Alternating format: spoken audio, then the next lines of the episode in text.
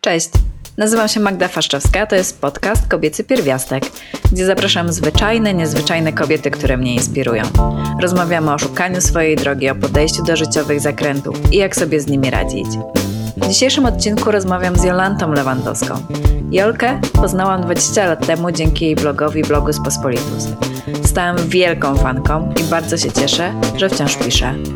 Jej przygody, przy których nieraz obśmiałam się jak Fredka, nie tylko śmieszą, ale dodają mi lekkości i poczucia, że człowiek poradzi sobie ze wszystkim. Przepytałam więc Jolkę, jaki jest jej przepis na radzenie albo nie radzenie sobie z przeciwnościami, dlaczego przez tyle lat pisze i skąd bierze w sobie elastyczność w podejściu do kariery i życia. Zatem zaczynajmy. Cześć Jolka. Cześć Magda. E, miło mi Cię gościć w odcinku kobiecego Pierwiastka. E, mnie też jest bardzo miło. Dziękuję za zaproszenie. I zacznijmy od początku. Jakbyś mogła się przedstawić naszym słuchaczkom i słuchaczom, kim jesteś, skąd przychodzisz, jak się znalazłaś w tym miejscu, w którym jesteś? Nazywam się Jolanta Lewandowska, e, niektórym znana jako Jolinda z bloga. Znamy się, jak sobie ostatnio to policzyłam, pewnie za 20 lat. Zaczęłam pisać w okolicy 2000 roku, więc chwilkę temu. Myślę, że znałyśmy się przez większość tego czasu tylko online, prawda? A kilka lat temu poznałyśmy się po raz pierwszy w rzeczywistości. Tak oto się tutaj znalazłam. Znajomość blogowa. To ja już mówię, czemu bardzo chciałam Cię mieć w podcaście. Poza tym, że nasza wspólna znajoma powiedziała zaproś Jolkę, bo właśnie jesteś osobą, która ma masę fanów i to właśnie tak przez lata, bo masz rację, poznałyśmy się, jak ja byłam na studiach i wtedy sobie znalazłam Blogsa, który był taką fancy platformą blogową, na której nie było takich blogasków migających, tylko fajni ludzie pisali. No i pamiętam, że w pierwszej dziesiątce, nie pamiętam na którym miejscu dokładnie, ale był taki blog Blogus Pospolitus który właśnie pisałaś ty. A no ja pamiętam, że czytałam go sobie w moim Szczecinie, gdzie studiowałam. I sobie myślałam, Boże, co za kobieta, jak ona potrafi jakie ona ma historię, jak ona opowiada po prostu jej życie. Chciałabym być taka, jak dorosnę.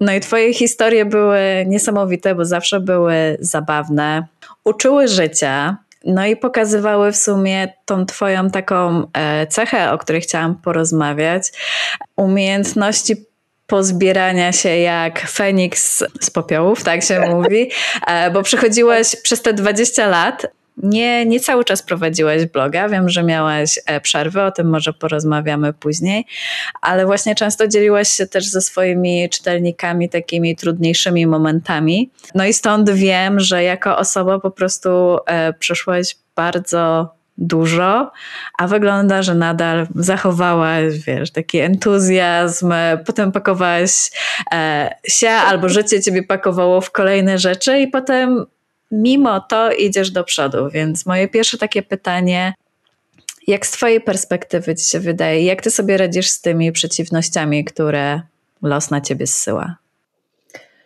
No, no radzę sobie lub nie radzę. To zazwyczaj jest tak, że, że jak nie masz wyjścia, to musisz sobie poradzić. Na koniec dnia po jakimś tam czasie wychodzi, że sobie poradziłaś, ale jak jesteś w środku oka cyklonu, to sprawy nie zawsze wyglądają tak wesoło i różowo, e, jak je potem maluję na blogu. E, prawda jest taka, że jak jestem w kryzysie, to jestem tak samo zdenerwowana i zmartwiona jak każdy normalny człowiek. I, e, I też mam doły i też nie wiem, co zrobić dalej, też mam wszystkiego serdecznie dosyć. Ale potem, jak już uda mi się e, wyjść na prostą, to próbuję to obśmiać, bo taki jest mój, mój sposób na chyba przetrawienie tych wszystkich niepowodzeń, które mi się, niepowodzeń czy, czy, czy zrządzeń losu, które mi się przytrafiają. I odkryłam dzięki blogowi, że e, jeśli piszę o tym w taki właśnie sposób, to ludzie lubią, lubią o tym czytać i, i wracają do mnie z bardzo pozytywnym feedbackiem, feedbackiem. To dla nich jest e, ułatwienie w ich życiu, w ich, w ich zmaganiach z przeciwnościami. Bardzo dużo osób wracało e, do mnie mm, i mówiło, że czytają mojego bloga, żeby rano dobrze zacząć dzień żeby się uśmiechnąć, żeby pomyśleć, Boże, ta wariatka znowu coś odstawiła i ma, e, a nadal się z tego śmieje, więc może ja też mogę sobie poradzić z moimi problemami. To zawsze było bardzo budujące dla mnie. I tak jakoś chyba dzięki temu, dzięki temu, temu feedbackowi tak długo piszę, bo nadal piszę czasami. I to mnie trzyma przy, przy, przy, przy właśnie przy, przy, nie chcę mówić w fanach, ja, jak nazywam czytaczami, przy ludziach, którzy czytają mojego, przy, przy ludziach, którzy czytają mojego bloga, bo to jest niesamowite, niesamowita więź, która przez te 20 lat się nawiązała między nami. No właśnie, 20 lat. A co ty sobie w ogóle myślałaś, zakładając tego pierwszego bloga? Nie, zresztą nie wiem, może to nie był pierwszy blog. To był pierwszy blog i absolutnie zrobiłam to z nudy. Zaczęłam pracę w, e, w dużej korporacji, gdzie byłam na najniższym możliwym stanowisku. Codziennie biegałam po bułki dla kolegów na lunch e, i rysowałam rysunki. I miałam dość dużo wolnego czasu. E, I żeby jakoś się zająć czymś i siedzieć jednak przy biurku, a nie piłować paznokcie, postanowiłam, że, że będę pisała bloga zaczęłam trochę dla śmiechu, trochę, trochę żeby sprawdzić, czy, e, czy mi się to spodoba. Okazało się, że jest całkiem fajnie, że ludzie wracają do mnie, że ludzie wracają z pozytywnym feedbackiem, feedbackiem że e, mi też to sprawia przyjemność że potrafię napisać coś śmiesznego albo angażującego i że przede wszystkim e, zaczęłam lubić pisać, bo e, to nie było tak, że jestem jakoś obdarzona wielkim talentem pisarskim. Wręcz przeciwnie, wszystkie moje, wszystkie moje prace w szkole były zawsze oceniane dobrze, ale że są zbyt krótkie, zbyt lapidarne i że zbyt szybko do brzegu dopływam. Więc pisanie Więc pisanie bloga było dosyć ciekawym eksperymentem i e, odkryciem, że potrafię robić coś inaczej niż sądziłam. E, tak, i zaczęłam pisać z nudy. Potem, potem się okazało, że mój szef odkrył tego bloga, bo oczywiście jestem kiepska w kamuflowaniu się, więc e, całe biuro czytało tego bloga, co było dosyć zabawne, bo pisałam często o biurze i o ludziach z biura. A potem przez wszystkie te lata oczywiście miałam wielu różnych innych szefów i oni wszyscy o tym moim blogu wiedzieli. Myślę, że teraz, e, ponieważ mieszkam w Holandii, ja piszę jednak po polsku, to mój obecny szef jednak nie wie, chociaż, e, chociaż wie, że kiedyś byłam dosyć znaną blogerką. To już też wyszło jakoś przypadkiem, ale myślę, że nie czyta. Natomiast wszyscy pozostali szefowie i koledzy z pracy zwykle wiedzieli o, o blogu e, prędzej czy później. Raz to się chyba nawet skończyło zwolnieniem mnie z pracy, bo naiwnie napisałam, że idę na rozmowę kwalifikacyjną do innej firmy. I e, to było pewnie takim gwoździem do trumny. Ale dobrze się stało, bo poszłam do, do, fajniejszej, do fajniejszej firmy. Ale dobrze, powiedz mi, bo za to Cię podziwiałam, bo rok 2000 to nie był rok, kiedy ludzie przyznawali się do tego, że działają w internecie. Wszyscy działali pod nikami. Ja pamiętam, że bardzo, bardzo dbałam o to, żeby być incognito i że właśnie nikt mnie nie rozpoznał w momencie, kiedy e, odkryłam, że koleżanka mnie chyba wyśledziła. Zamknęłam bloga, zmieniłam nika i próbowałam zacząć życie blogowe na nowo. Aha. Jak to u ciebie działało, że no właśnie, koledzy wiedzieli, a ty się trochę z nich podśmiewywałaś, oni mieli jakieś ksywki. Ja sobie nawet nie jestem w stanie wyobrazić, jak tak można? Tak można.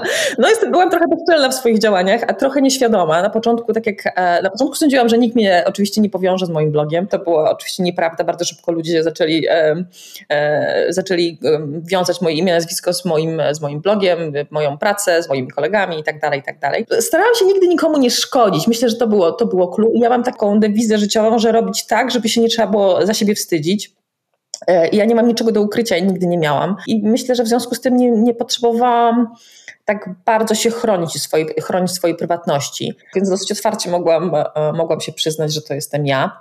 Ludzie po pewnym czasie się przyzwyczaili, że piszę sobie jakieś głupoty. Czasami są one wyolbrzymione, czasami są e, zgodne z prawdą, ale nie podaję e, nazwisk ani konkretów, więc e, ciężko się było na mnie obrazić. Myślę, że nie, chyba nikt nigdy nie przyszedł do mnie z pretensją, żebym usunęła coś z bloga albo, albo skorygowała to, co napisałam. A w drugą stronę, że albo ktoś chciał zaistnieć w Twoich historiach i powiedział Ci, że o mnie nie piszesz, albo wręcz, o wow, napisałaś o mnie. Nie, chyba się tak nie zdarzało. Czasami oczywiście pisałam o, o przyjaciołach e, i oni to lubili mniej lub bardziej, ale chyba nie, nie, nie było reklamacji ani w próśb, żeby zaistnieć. E, nie, tak, to, tak, aż taka sławna nie byłam.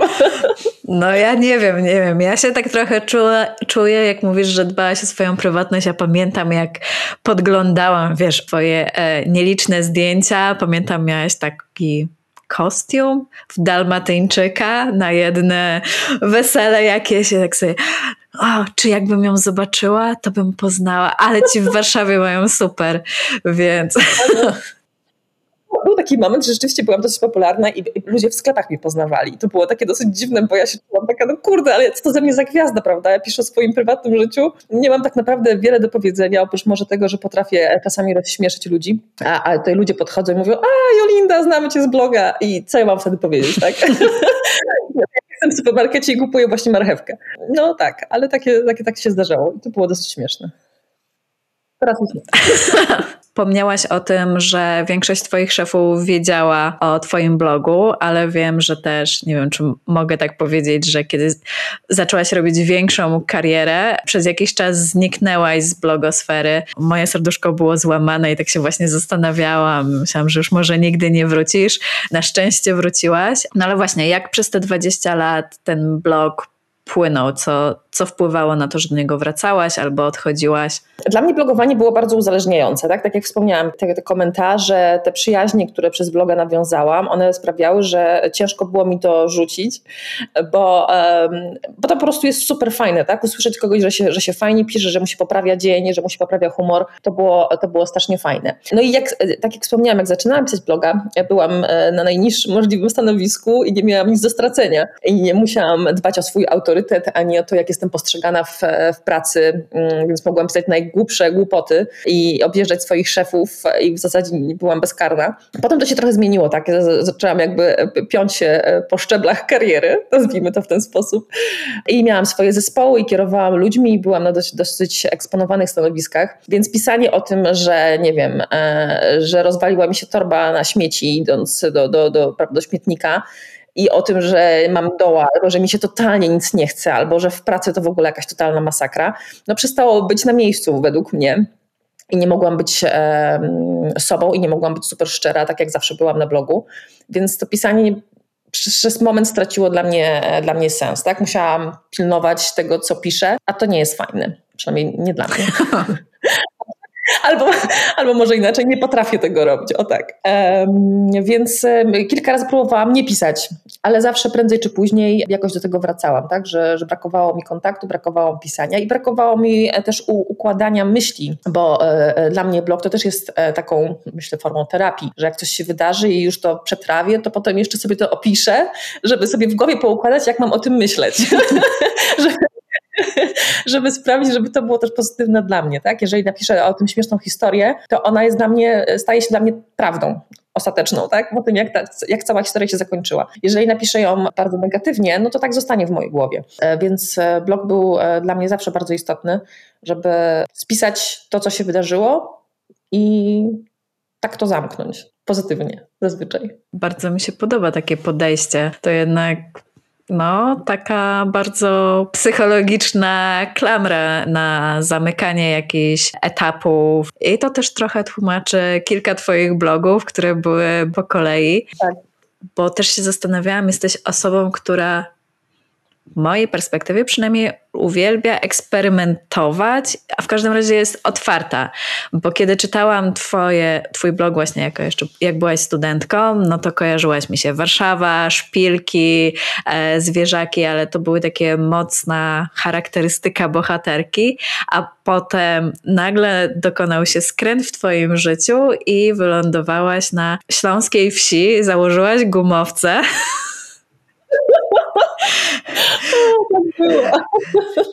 I pamiętam, że wszyscy mieli takie, wow, to, to, to się nie zgadza, ale potem bardzo szybko się okazało, że no w jakiś sposób się zgodziło, to była twoja próba. I też się zastanawiałam, co ci pomaga posiadać taką elastyczność, bo to, to nie jest taka cecha, którą łatwo mieć, że jednak spróbować wyrzucić swoje atrybuty, spróbować czegoś. E, rzeczywiście lubię próbować i jestem dosyć otwarta na to i na tym zbudowałam też swoją karierę. Ciągle, ciągle zmieniam i jestem, um, jestem otwarta na zmiany i to mi daje jakąś tam przewagę nad innymi pewnie czasami. A myślę, że zaczęło się od tego, że moi rodzice też byli otwarci, mieli otwarty umysł na zmiany i mój tata często zmieniał pracę. Przeprowadzaliśmy się w związku z tym i w związku z tym ja, ja zmieniałam szkoły dosyć często jako dziecko to mnie nauczyło nawiązywać kontakty dosyć łatwo i e, budować sobie nowy świat dosyć szybko, bo nie miałam innego wyjścia. Ale myślę, że to naprawdę było bardzo, bardzo przydatne I, i tak mi to się zakorzeniło. Nazywam się, mówię o sobie, że mam cygańską duszę i rzeczywiście e, nie mam korzeni, tylko mieszkam w doniczce, bo pakuję swoje rzeczy w 5 minut i zaczynam nowe życie e, od tak, gdzie indziej, bez najmniejszego kłopotu i nie oglądam się za siebie, po prostu idę do przodu. I tak, to, to, to rzeczywiście to sprawia, że jestem, jestem otwarta na nowe rzeczy, jestem otwarta na eksperymenty. Większość z tych rzeczy y, nie wychodzi, taka jest prawda. Większość tych moich blogów, czy takich eksperymentów totalnie z czapy, od czapy, skończyło się no, tak, jak się powinno skończyć, czyli, czyli kiepsko. Niepowodzeniem, ale też wyciągnięciem lekcji, że po prostu to jest nie dla mnie, tak? Że, że, że, że to, co do tej pory robiłam i działało, jest e, tym, co powinnam robić dalej. Wylądowałam na Śląskiej Wsi oczywiście zupełnie przypadkiem, przez to, że e, związałam się z Holendrem, który tam e, z tą ziemią akurat kawałkiem Polski był związany, co jest absolutnie e, śmieszną historią kolejną. I próbowałam przenieść swoje życie tam. Natomiast to się skończyło, no tak jak można sobie wyobrazić, że kończy się przeniesienie warszawianki na, na śląską wieś i gumowce, kret i bycie bycie kimś w rodzaju ufa, uf, ufa we wsi wylądowało, tak? Byliśmy takim zjawiskiem e, oboje, ja i mój Holender. No to nie zadziałało niestety na dłuższą metę. Wróciłam do Warszawy już sama, a, a potem się przeniosłam do Holandii i teraz mi się wydaje, że to jest dobre miejsce na ten czas dla mnie. Tak, no ale tam to też było ciekawym eksperymentem. Posiadanie wielkiego ogrodu, wielkiego domu, walka z kretami, ze ślimakami i ze ślązakami.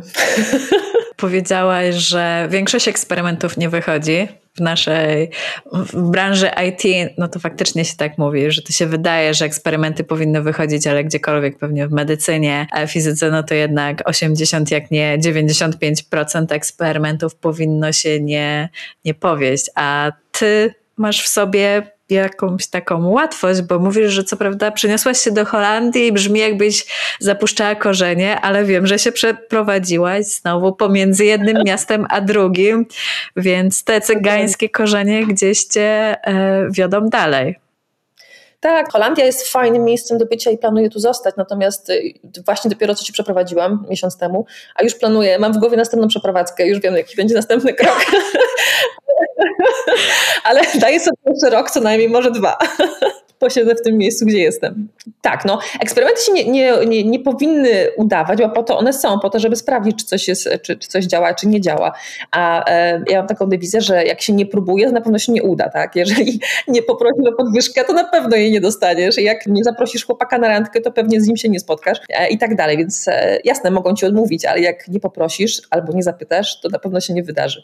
Więc ja przynajmniej próbuję, masa z tego nie wychodzi, jest z tego dużo kłopotów, oczywiście często wychodzą śmieszne historie. Po fakcie, ale tak, ale próbuję. I jakoś nie, nie wiem, może po prostu dlatego, że mam krótką pamięć, zapominam o tych wszystkich niepowodzeniach. I łatwiej mi zacząć od nowa, może dlatego. Dobrze, dobrze, zapamiętać, zostać złotą rybką e, z krótką pamięcią. Dobra, ale jak często zaczynasz od nowa, mm, to powiedziałeś, że masz doświadczenie, ale ja sama się przeprowadzałam i wiem, że to nie jest takie hop znaleźć nową siatkę e, znajomych, mieć z kim pójść na kawę. Co ci pomaga przy tych przeprowadzkach? Pło.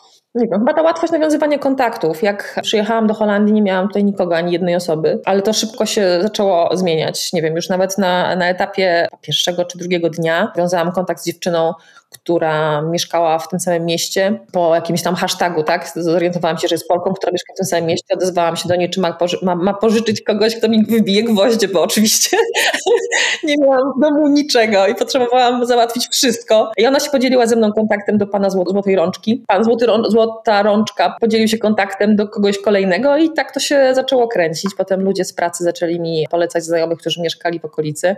Zaczęłam e, się jakoś kontaktować z sąsiadami znalazłam e, ludzi przez e, szkołę swojego syna i e, nagle się okazało, że nie jestem sama, co było bardzo fajne.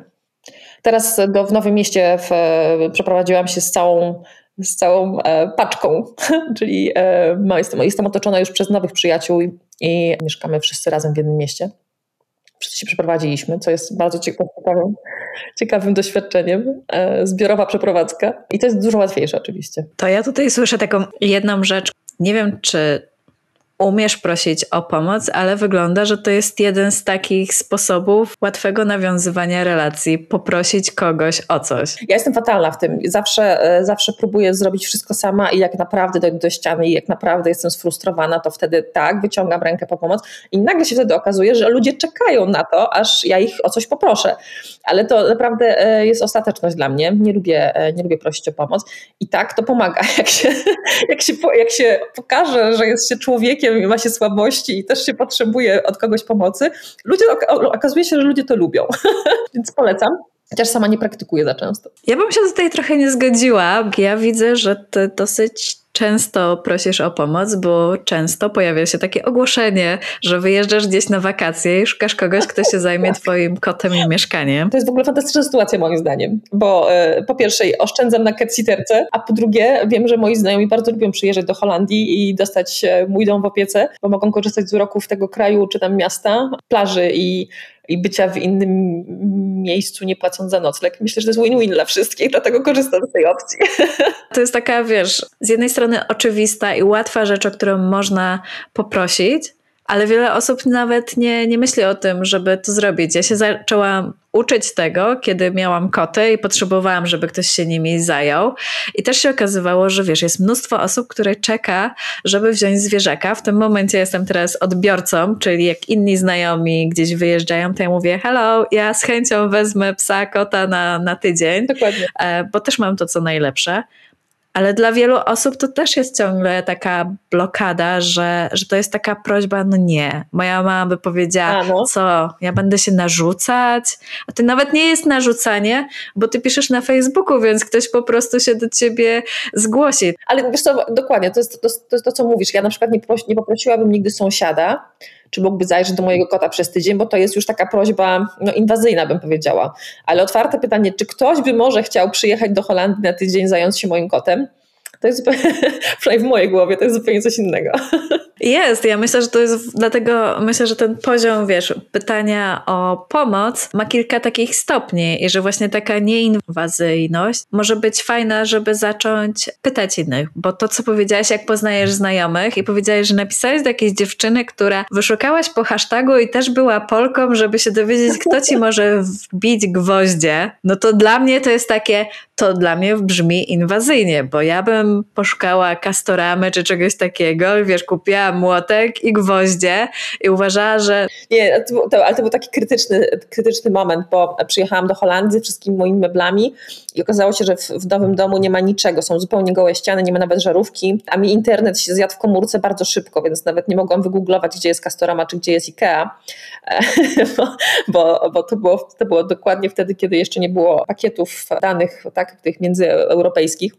I w związku z tym, że chyba już wtedy miałam zalajkowaną jakąś dziewczynę e, z, z tego samego miasta, Polkę, jakoś to nie odezwałam. Mm, no i to poszło, ale no tak, proszenie o pomoc to, to nie jest e, prosta sprawa. To jeszcze powiedz, bo to też była dziewczyna z internetu. Czy masz większą właśnie łatwość pytania, nawiązywania kontaktów przez internet, czy to po prostu był przypadek?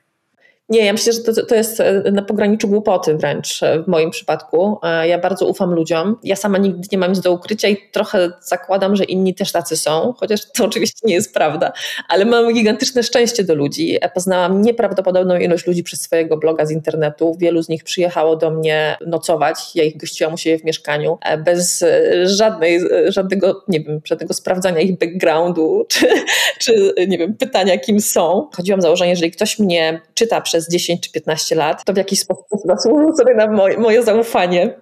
I chyba tak się tego nauczyłam, że ludzie zasadniczo ci, którzy jakoś tam się koło mnie e, grupowali, byli zazwyczaj super fajni. Nigdy nic złego mnie e, nie spotkało. I nauczyłam się dużego zaufania do ludzi, do obcych ludzi przez to.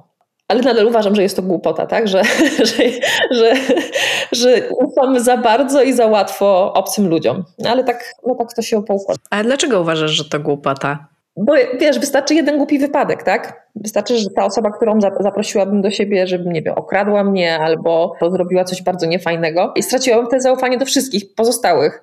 ale na szczęście tak się nigdy nie wydarzyło. Wiesz, bo właśnie mów, myślałam sobie o tych eksperymentach, które mówisz, że często nie wychodzą, a to jest jednak z eks, jeden z eksperymentów, który powtarzasz, no i który wygląda na to, że wiesz, zawsze wypada to, co chcesz. I ja mam Prawda. Podo podobne doświadczenie. Mi się nie zdarzyło jeszcze poznać przez internet kogoś dziwnego, nie takiego. No właśnie te osoby też są dokładnie takie, jakie najczęściej sobie wyobrażam. Może poza jedną, jednym drobiazgiem, że jak ja czytam twojego bloga, to on ma podejrzewam, że mój głos w mojej głowie, więc jak cię spotykam na żywo, to mam takie, to ty tak brzmisz, kurczę, to jakoś się nie spina, ale to tylko przez to, że to audio się nie zgadza. Natomiast jeżeli chodzi o takie energię, osobowość, to te osoby, które, z którymi ma się dobry kontakt nawet po paru wiadomościach, to one potem są dokładnie takie na żywo i to też są osoby, które najczęściej są, nie wiem, pomocne, otwarte i to po prostu czuć w jaki sposób się komunikują. Masz rację, jeśli kontakt e, jest dwustronny, tak? Jeżeli ty piszesz bloga i ja piszę bloga, to wiemy o sobie całkiem sporo. Ale jeżeli ja zapraszam kogoś, kto skomentował mojego bloga, nie wiem, kilkanaście razy na przestrzeni 10 lat, ale wiem, że czyta mnie od 10 lat, to ten człowiek wie o mnie prawie wszystko, ja o, tym, ja o tej osobie wiem prawie nic, tak? Mm. I mhm. jest, zaczynamy z zupełnie różnych pozycji. Ta osoba przychodzi do mnie do domu jak do siebie, a ja wpuszczam zupełnie obcą osobę. Mm-hmm. Ale jakoś nie wiem, zawsze to, zawsze, zawsze to grało i nigdy nic dziwnego się nie wydarzyło. No bo ja myślę, że to trzeba też mieć konkretny typ osobowości, żeby ciebie czytać przez te 10 lat. Tak, tak. No, ja tak zawsze się śmieję, że, że moi czytacze wytrzymali ze mną dłużej niż jakikolwiek mężczyzna. E, I ten związek z blogiem jest e, najdłuższym związkiem w moim życiu. Więc może rzeczywiście to są specyficzni ludzie. to również coś, pod czego wrażeniem jestem, że właśnie widać, że masz taką społeczność i to są osoby, które ja właśnie znam z tych początku lat dwutysięcznych i to jest niesamowite, że wiesz, że, że, że te osoby się pojawiają. To jest, to jest naprawdę niesamowite. Ja mam, tak jak mówię, mam super mega szczęście do ludzi. Oni, e, oni się jakoś do mnie przykleili i trwają ze mną przez te wszystkie zakręty i dopingują mnie bardzo często i dzięki ich energii tak naprawdę e, nadal to robię.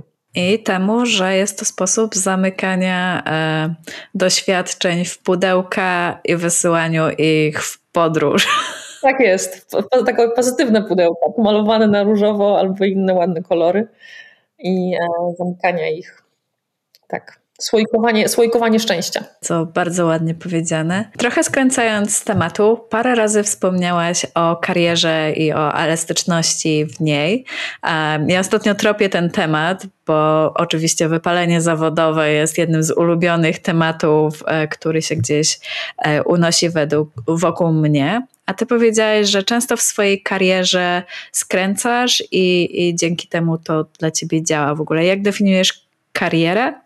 Karierę, jak definiuję, Matko Boska. Nie mam, nie mam żadnej definicji na karierę, po prostu staram się przeżyć, macham łapami, żeby, żeby, żeby się utrzymać na powierzchni, a czasami dopłynąć do jakiegoś celu. Jak zaczynałam studia, to mi się wydawało, że zostanę architektem i będę, nie architektem, przepraszam, że geodetą e, i będę pracowała dla Google Maps i w ogóle moja, moja kariera będzie fantastyczna. Potem się okazało, że Google Maps to jednak w Polsce nie działa, w sensie nie, nie zatrudniają nikogo e, do polskiego biura, bo tego biura po prostu nie ma. I szybko musiałam wymyślić coś innego, jakoś mnie zdryftowało do IT, a, a potem do mediów i tak jakoś sobie płynę, za każdym razem nie zadziwia, gdzie teraz wylądowałam. I zawsze myślę, że to, że nie jestem bardzo przywiązana do tego, co chcę robić, pomaga mi, bo się mniej rozczarowuję.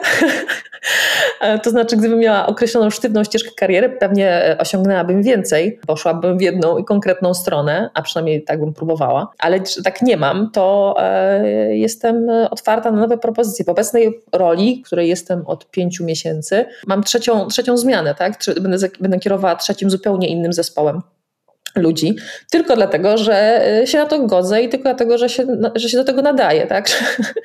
że nie mówię, kurde, nie, zatrudniliście mnie do project management i ja w ogóle niczego innego nie dotknę. I pewnie gdybym, gdybym była bardzo usztywniona, to tą pracę bym straciła.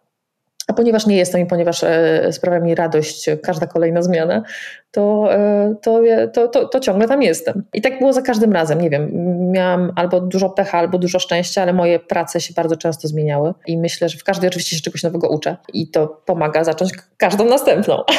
I, I, ja to lubię. Oczywiście nie, nie każdy dałby sobie radę, czy chciałby tak często zmieniać pozycję czy firmę. Ja się zastanawiam, czy to nie jest właśnie taka charakterystyka ciebie, bo wiem, że wiele osób chciałoby zmienić pracę, ale z kolei czują, że wiesz, jeżeli byli w jednej ścieżce, to bardzo ciężko jest im przeskoczyć do, do czegoś innego, nawet jeżeli te umiejętności są podobne. Czy to bardziej wychodziło od ciebie, ta elastyczność? Okej, okay, tu jest coś takiego, co mogę zrobić. Dobra, dobra, to ja, to ja.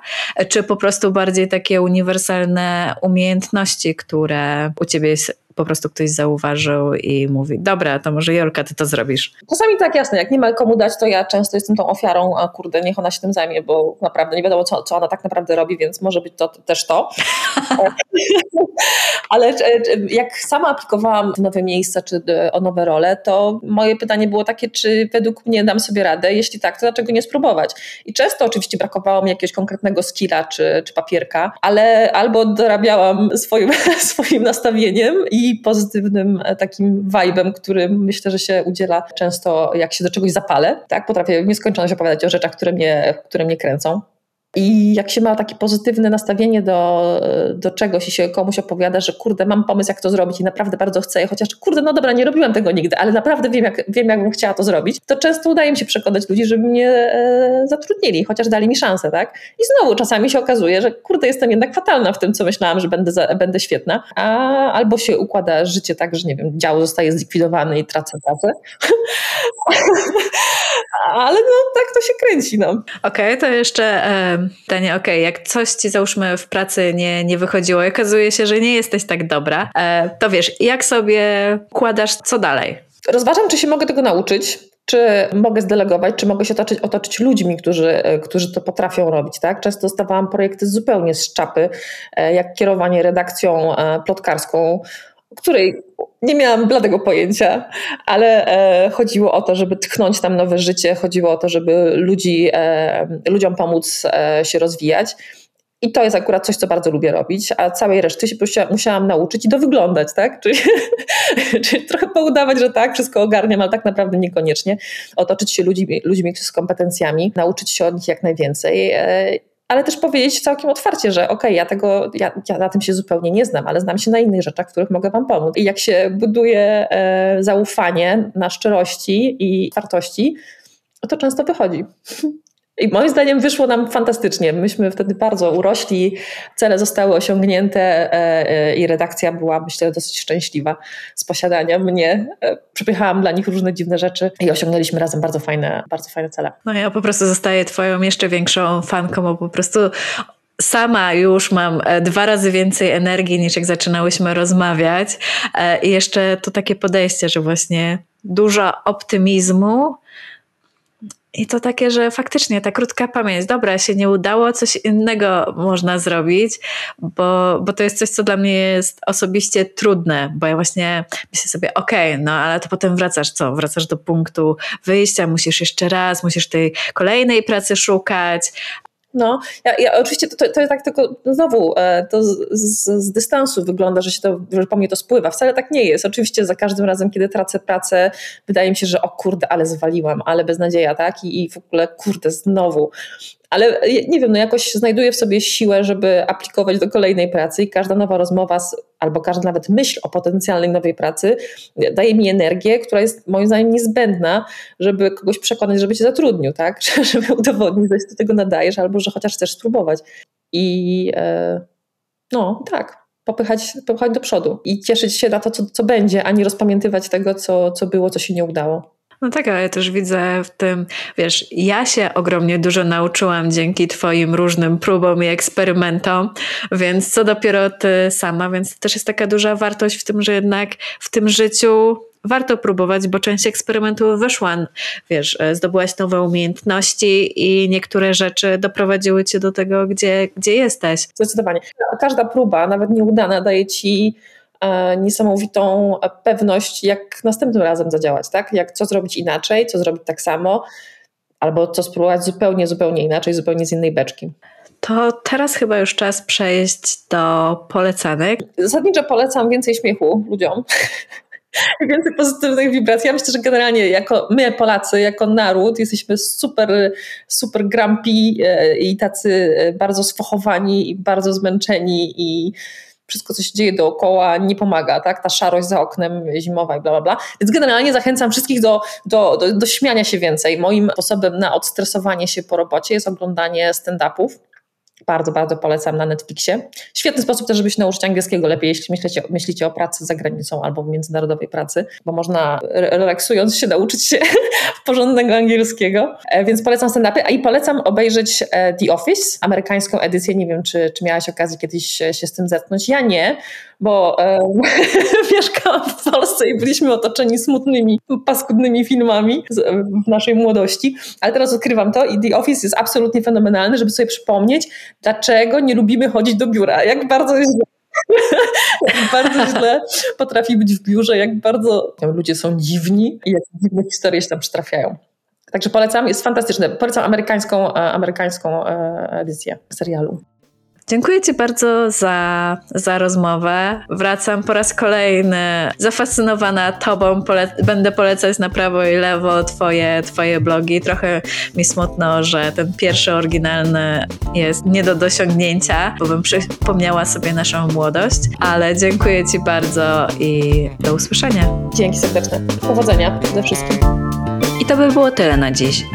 Mam nadzieję, że tak jak ja, kończycie pełni pozytywnej energii, którą Jolka wnosi. Ja z dzisiejszej rozmowy biorę przede wszystkim to, że interpretacje historii życiowych sami piszemy. I że warto mieć pamięć złotej rybki. Jeśli chcesz posłuchać kogoś o podobnej energii, polecam Ci odcinek z Kasią Wirkus-Molendą. Wszystkie linki i notatki z podcastu znajdziecie na www.kobiecypierwiastek.pl. Jeśli się Wam podobało, podajcie dalej i oczywiście zasubskrybujcie się tam, gdzie słuchacie podcastu, albo wpadnijcie do mnie na Instagram. Do usłyszenia!